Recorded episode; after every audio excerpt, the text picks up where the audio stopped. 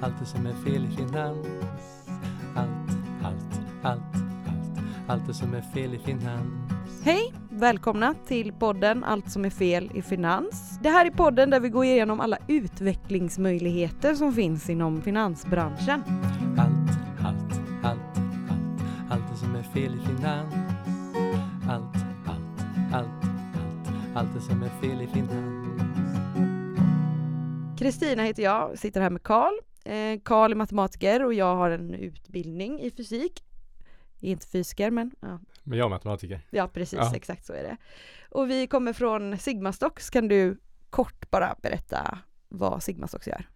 Sigma Stocks hjälper dig att spara i aktier helt automatiskt. Bra, Ja. kort! Kort. Perfekt. Och i dagens avsnitt så tänkte vi att vi skulle prata om bostadspriser. Det är ju någonting som påverkar alla, även om man äger en bostad eller inte.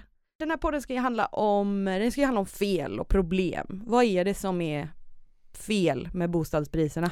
Det är helt enkelt att de skenar, de är för höga. Det är en prisbubbla.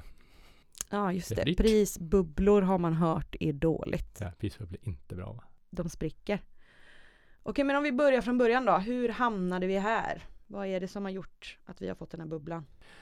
Alltså på, på 80-talet så var ju priserna en helt annan på bostäder och det var ju mycket för att jag hade en fast växelkurs och den fast växelkurs innebär att den, den osäkerhet mellan vad valutor är värda som idag justeras på att, att dollarn blir dyrare eller billigare liksom, den låg då i, i räntorna. Så att man, om, om svenska kronan var för lite värd mot vad man hade bestämt att den skulle vara värd, så fick man helt enkelt alltså, motivera folk att ändå äga svenska kronor genom att ge dem högre ränta. Mm. Och det här gjorde då att, att bostadspriserna blev var lägre, för räntan kunde vara liksom 15-20 procent. Ja, det är samma, samma ränta som eh, man motiverar utländska investerare att äga svenska kronor. Är också den räntan som svenskarna får på sina bostadslån. Ja men ish i alla fall, men hänger eh, som minst ihop då. Eh, men sen hände det någonting efter 80-talet. Det var att eh, man släppte det med fast växelkurs och det gav lägre räntor för då tog alltså, väx, alltså valutorna hand om, om en stor del av osäkerheten så att då kom räntorna ner och det gjorde att, att priset på bostäder blev, blev högre under en lång period. Jaha, hur kommer det sig att eh, lägre räntor ger högre priser då? Så lite förenklat är det så att de, de allra flesta har ungefär en maxsumma som man kan tänka sig att betala för att, för att bo varje månad. Och är räntorna höga så ryker en stor del av den summan till att betala räntekostnader och det blir mindre kvar till själva köpet. Typ så. Mm. Men räntorna idag är ju ännu lägre än de var på 90-talet. Vad beror det på? Att den finanskrisen, sättet som Ja, man hanterar den. ja, man, sättet man hanterade den var att, att eh, ta ner räntorna till, till 0 procent. Staten gör det i princip gratis, alltså gör det gratis att låna pengar, vilket gör att aktier, bostäder och skog och sådana saker ökar, ökar värde. Då är det de enda investeringar som man kan göra som egentligen ger någon avkastning alls. Så att de drar helt enkelt till sig investerare. Och dynamiken just nu är sån att folk vill och kan låna mer än vad de får. Alltså de klarar av, varje månad så klarar de av att betala, hade, betalat mer än vad de Mm. än vad de egentligen får låna. Då. Och det är sådana här bivillkor som till exempel att man bara får låna upp till fyra och en halv gånger årslönen och sånt där för att för att lånar man mer så måste man amortera väldigt mycket. Och så. Ja, det är en eh, regel som finns. Ja. Mm. Precis, så den, den typen av regler gör att eh, gör att alltså begränsar eh, utvecklingen på priser just nu. Men sen så är det även så att årslönerna ökar ju liksom ett par, ett par procent per år och kanske mer än så för folk som är mitt i karriären och husköpande ålder och sånt där. Så att eh, det finns liksom en, en, en mekanisk process nästan som, som driver upp priserna. Alltså i princip att om, om en genomsnittsfamilj kan tänka sig samma månadskostnad för boendet under de närmaste åren så, så kommer priserna att fortsätta öka. Liksom. Mm. Så bostadspriserna har slutat att hänga ihop med vad räntan är och börjat hänga ihop med vad lönerna är. Nej, men de hänger ihop med räntorna också. va? Men, men, men, eh, men det är klart det påverkar att bivillkoren, det börjar rent matematiskt. Alltså om, om det är ett bivillkor som begränsar dig så är det bivillkoret som, som styr Mm. priset. Men om, om du inte har något bivillkor då är det någonstans mer obegränsad tillgång och efterfrågan i någon bemärkelse. Men, men, nu är de här bivillkoren, ja, de, de, Ja. de styr priset helt enkelt. Men om, ja precis. Men om, In, inte styr styr, men, men de, de spelar verkligen en roll. Liksom. Precis. Men om räntan är noll så. Ja, så är det gratis att låna liksom. Men om eh, lönerna skulle minska då? Då skulle det påverka bostadspriserna. Ja, det är klart, det gör det ju. Men samtidigt så priserna lär väl då inte riktigt falla ordentligt förrän, om inte verkligen många människor måste flytta samtidigt. Och det här händer ju om eh, bostadscentrarna går upp samtidigt som arbetslösheten ökar. Så att folk verkligen inte har råd att bo kvar. Mm. För, att som det är nu så klarar folk ändå av det. När de får lån så ser man till att, att de har någon annan buffert för att klara det. Där. Men går räntorna upp och man blir av med jobbet då, då måste man flytta. Och som det är idag så är det mest bara folk som dör eller skiljer sig som måste flytta. Liksom. Mm. Och, och det är ändå väl det är rimligt att de ska få. Liksom. Och eh, de är idag helt enkelt inte riktigt många för att driva priserna neråt. Då. Med prisökning och att saker och ting blir dyrare och dyrare. Det låter som att vi har eh, mycket inflation. Men Riksbanken säger att vi inte har så mycket inflation. Hur hänger det ihop? Det är lite konstigt det där. Alltså bostadspriser ingår ju typ inte i inflationen. De ingår alltså rent matematiskt ingår det, men, men det ingår ändå inte riktigt liksom. Och det är inte självklart varför. Om man tar fysiken till exempel, din hemmaplan, så, så är det ju massa begrepp där som massa, hastighet, energi, rörelsemängd och sånt som är bara jävligt väldefinierade. Man vet precis vad de betyder. Och det är svårt att tänka sig andra definitioner, men jag kan väldigt lätt komma på andra sätt att mäta inflation som är nog så naturliga, där ökningen av bostadspriser hade gjort att inflationen vore skyhög. Man tänker till exempel att det, vi ser en 20 i prisökning av bostäder varje år, mm. så hade det bara slagit ut ungefär 1 i, i inflationstakt, som är högst hanterbart. Liksom. Men med 20 år av, alltså med 10 år av 20 i prisökning så hade mitt radhus då kostat över 50 miljoner. Det är dyrt. Det är dyrt. Det är mycket pengar för ett radhus. Mm. Och en sån sak har förstås fullständigt förlamat hela landet i att ingen, nästan ingen har råd att köpa något hus. Mm. Och det vore kanske rimligt att en sån process under tioårsperioden hade syns i hur man mäter inflation, då inflation trots allt ska mäta förändring i pengars köpkraft. Så mm. det är inte fullständigt galet att det hade, att det märks. Menar du att det är eh, inflationen mäter vad det kostar att bo, men inte vad det kostar att byta boende? Ja, men precis. Och det, det är precis det. Och någonstans har ju, det gör ju att, att köpkraften har minskat för för oss då, alltså för, för alla egentligen. För att man, pengar räcker lika långt om man ska köpa mjölk, men verkligen inte om man ska köpa bostad. Och där har vi på ett sätt alla blivit fattigare. Oj. Så att, och någonstans är det ju en annan skala på det också. För, har jag också blivit fattigare, jag som bor i hyresrätt? Ja, du är kanske mer blåst än, än någon som har köpt en bostad. Och det är, det är synd för dig, men ja, du vet, hellre du än jag som jag brukar säga. Ah, ja, ja. bra talesätt. Ja. Men eh, just det här, alltså apropå mat och mjölk och så, går matpriserna upp ordentligt så kanske vi får lägga vet, 5-10% av en årsbesparing mer på, på mat per år. Och så. Mm. Det är med den här. Men samma år kan ju en bostad, ett, ett hus öka med ett hus som du vill ha liksom, öka mm. med 20 års besparingar. Aj. Och det är förstås mer liksom. Så, ja. men, men just det här med att, alltså givet de skatter vi har och den, den generella lönenivån i landet så är det ju rimligt att anta att en prisutveckling på bostäder, att det är den som har genererat allra mesta av medelklassens förmögenhet i storstäderna. Så mm. det är bara det är, Ja men kul för dem! Ja det är kul för dem ja. Jag brukar säga att det är roligt när det går bra för andra. Det är jätteskoj när det går bra för andra. Minst lika roligt. Men, eh, vad, men varför är det här problem då? Alltså förmögenhet låter ju bra i mina öron. Ja, det är det ju förstås liksom, men, men just i det här fallet när det är så centrerat i storstäder och sånt så, så sliter det isär, sliter isär landet liksom. Alltså växer du upp idag i en hyresrätt i Mariestad med icke-rika föräldrar så kommer du antagligen aldrig kunna flytta till Stockholm. Knappt ens om du utbildar dig till läkare eller något liknande. Mm, men varför skulle man vilja flytta till Stockholm? Alltså, det är ju ett teoretiskt resonemang. Va? Men man kanske måste. Man kanske måste. Äh, eller en disclaimer, alltså, Stockholm är ju en jättefin stad. Det är en fantastiskt fin stad. Men, men alltså, det, är, det är kul att ha fram möjligheten att, att kunna flytta dit. Och problemet är att ju längre prisuppgången håller på, desto svårare blir det att bryta. Jag bor ju då i ett radhus i utkanten av ett litet glesbefolkat lands näst största stad. Och det är, är det Göteborg du sitter på? Götelaborg. Mm. Och det radhuset kostar ungefär 9 miljoner. Och liksom man tänker att man sparar, lyckas spara 5 000 i månaden, då, kommer alltså, då kostar alltså huset 150 års besparingar.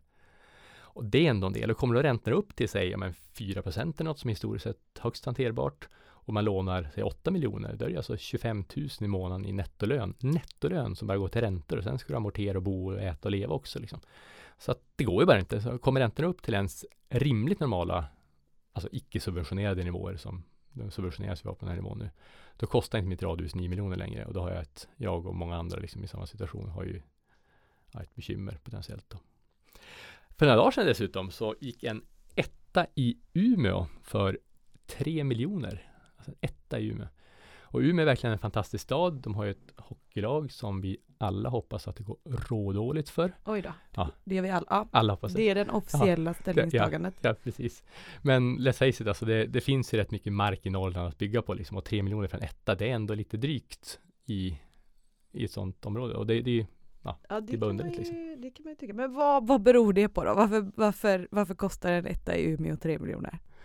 Alltså de pengar som, som finns och som, som pushas ut liksom på marknaden, alltså gra, gratislån ungefär, de, de har ingen annanstans att ta vägen. Alltså du, du får ingen avkastning på, på till exempel räntor, utan det är nästan mekaniskt så tvingar upp priserna på aktier, bostäder och skog och sånt. Sen är det här att ränteavdraget är samtidigt fullständigt jävla galet. Alltså att varför ska alla som inte äger sin bostad indirekt sponsra en fastighetsbubbla som gynnar andra? Ja men det är vi som bor i hyresrätt som ger det här bidraget till ni som har tagit ja. så stora lån. Jag tycker det är väldigt, väldigt självförklarande att vi ska göra det. Ja, det, det, det är inte, inte uppenbart charmigt, det är det inte. Det är väldigt svårt att tänka sig att någon beslutsfattare egentligen Du vet att man inte får använda rotavdraget i hyresrätt heller. Nej. Jag fick betala fullpris för den elektrikern som installerade min eh, diskmaskin en gång. Ja, Det kändes, eh, det känns väldigt fel. Ja. Nej, men alltså det är svårt att tänka sig att det finns någon beslutsfattare som egentligen inte tycker att det här är galet, men det blir helt enkelt lite för jobbigt att ta i politiskt. Dessutom sitter mycket av makten i, alltså i just Stockholm. Alla som bor där gynnas sånt väldigt av den uppgången. Så att det, kontentan blir ju att det är ju fuck Mariestad liksom. de kanske skulle också gynnas väldigt, väldigt, väldigt dåligt av en motsats. Ja, alltså det är väl någonstans det då.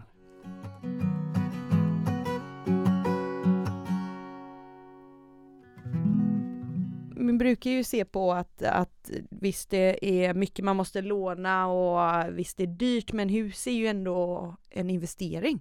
Fast är det det? Är det verkligen det? Va? Det, det ser, alltså det så ser man inte, man ser inte så i alla länder. Det finns länder man liksom inte har den, man ser det mer som konsumtion. Och, och idag så är det knappt någon som köper hus som ens minns när det var en riktig sättning på, på bostadsmarknaden. Möjligen, möjligen om du typ separerade precis under finanskrisens liksom, kritiska två månader och sådär så kanske det var med om en dipp. Men annars inte. Liksom, men, alltså det landar i att boende är ju konsumtion och priserna bör väl egentligen följa övriga prisutvecklingen i samhället i någon jädra mening då. Mm. Men klart, om man jämför med andra klassiska investeringar så, så ingen hade ju fått låna fem gånger sina livsbesparingar för att köpa aktier. Det är det också, man, man, man har ju man är så hårt, alla som, som köper hus är så hårt belånade. Alltså man, man köper bostäder för så mycket mer pengar än man har. Och det är också att det hela blir mycket mer ja, riskabelt då. Att det behöver inte dippa lika, alltså det behöver inte dippa så mycket innan folk ska bli ganska smoked. Nej, men om alla andra gör det så måste det ju då måste det ju vara bra. Ja, ja, det är ju det. Om det finns en kö att ställa sig i så ställer man sig i den kön. Ja, det kanske är så. Men vad, vad, vad har vi för lösning på det här då? Vad, vi, antingen vi som sitter här eller, eller samhället Åh, kanske? Det är svårt med lösningar. Göran Persson, då, gamla statsminister, han tycker liksom helt riktigt då att de höga priserna hindrar till exempel unga från att köpa bostad. Så han vill ta bort löne, lönetak, lånetaket. Då.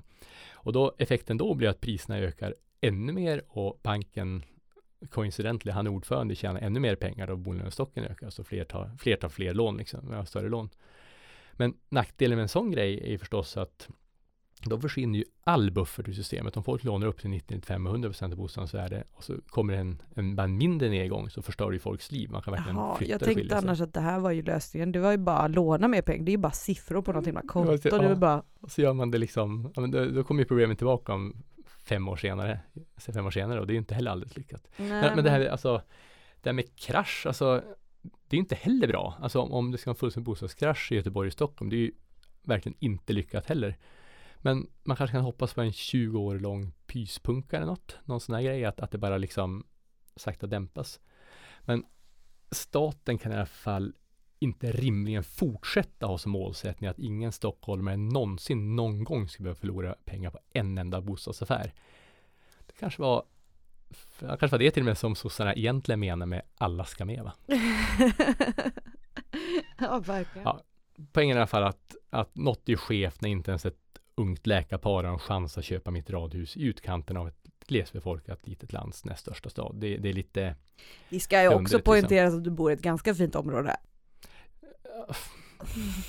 radhus. Ja, ja, Göteborg. radhus, Göteborg. radhus, Ja. radhus fortfarande. Ja. Men vad, vad har vi, har vi ingen lösning då? Kanske inte så kul att säga men det är ju ungefär ungefär så här är det ju, liksom att, att elda upp din egen bil. Liksom, Ja. du tar, går ut och eldar upp din egen bil. Mm. Då drabbar det mig själv och bara mig själv. Liksom. Men gör du något dumt, liksom, riktigt dumt tillsammans med massa andra så kommer antagligen någon att rädda dig. Liksom. Så att det, det är ju verkligen en bostadsbubbla nu. Men samtidigt har ju alla makthavarna har ju så, så potenta verktyg till sitt förfogande. Va? Att de, de kan hindra en sån här krasch under väldigt lång tid. Och de gynnas ju typ sett själva privatekonomiskt av att göra det. Så att det, är liksom, det är väldigt svårt att, att ge råd på hur man ska hantera det. För att det, det är verkligen det, det är stora krafter åt bägge hållen. Liksom. Ena sidan bubblan och sedan liksom den politiska makten. Är det att, eh, en, eh, en bailout av eh, bolånen jag hör här? Ja, men det är ju någonstans det som, som har gjorts, liksom att man, man, man hanterar finanskrisen genom att trycka pengar genom bankerna så de tjänar massa pengar och, och ge dem pengar till de som ägde aktier och bostäder ungefär. Och, och, och det är inte säkert att ja, det är svårt att veta eh, om, om något annat hade funkat bättre, men det är i alla fall alla kan vara överens om att det är det man har gjort då. Mm. Och det har ju, alltså det, det sliter sönder landet. Det gör det. Ja, men hur ska man som vanlig människa agera då?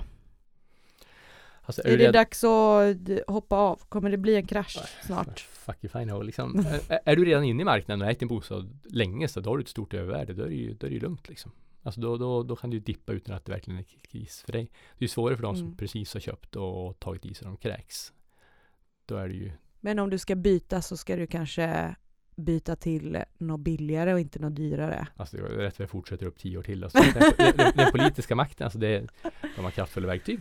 Ja, Ja. verkligen. Men om man inte äger sin bostad då? Om man som jag bor i en hyresrätt, har en tvåa på 48 kvadrat tror jag. Ja. Är lite sugen nu när man har jobbat hemma i ett och ett halvt år. Jag var lite sugen på ett eller två rum till. Vad ska jag göra Karl? Att det är svårt. Alltså det är, eh, det är, alltså det, det, det är svårt att ta de här första stegen. Det, det är, ja, Du har inget råd till mig. I don't know. Ingen aning. Det, Ja, man, får, man får väl spara. Det är väl man- det man får göra då. precis, så sparar man ett år, med en års besparing och så, så huset man vill köpa ökat med tio liksom. Åh nej. den, är- den, ja, den är jobbig liksom. Den är jobbig. Byt jobb, skaffa högre lön. Exakt. Ta ett lån, köp en friggebod, Och bo i den. öka Ja. den tio Ja. gånger i värde. Ja. Nej, man har inte ens råd med en kolonistuga längre. Alltså det, är, det är kört. Mm. Okej, men man kan i alla fall se över sitt sparande, det kan man göra. Och man kanske har en, eh, man kanske behöver ha en jättestor insats då till en bostad eller så kanske man behöver placera den ofantliga vinsten man gjorde när man gjorde exit från Stockholm till Mariestad. Mm. Eh, och då kan ju vi på Sigma Stocks hjälpa till med det. Hur hjälper vi till med det Karl? Genom att hjälpa folk att spara i aktier helt automatiskt. Perfekt. Mm. Och vi finns på sigmastocks.com om du är intresserad av att veta mer. Mm. Tack för oss. Tack. Allt, allt, allt, allt. Allt det som är fel i finans. Allt, allt, allt, allt. Allt det som är fel i finans.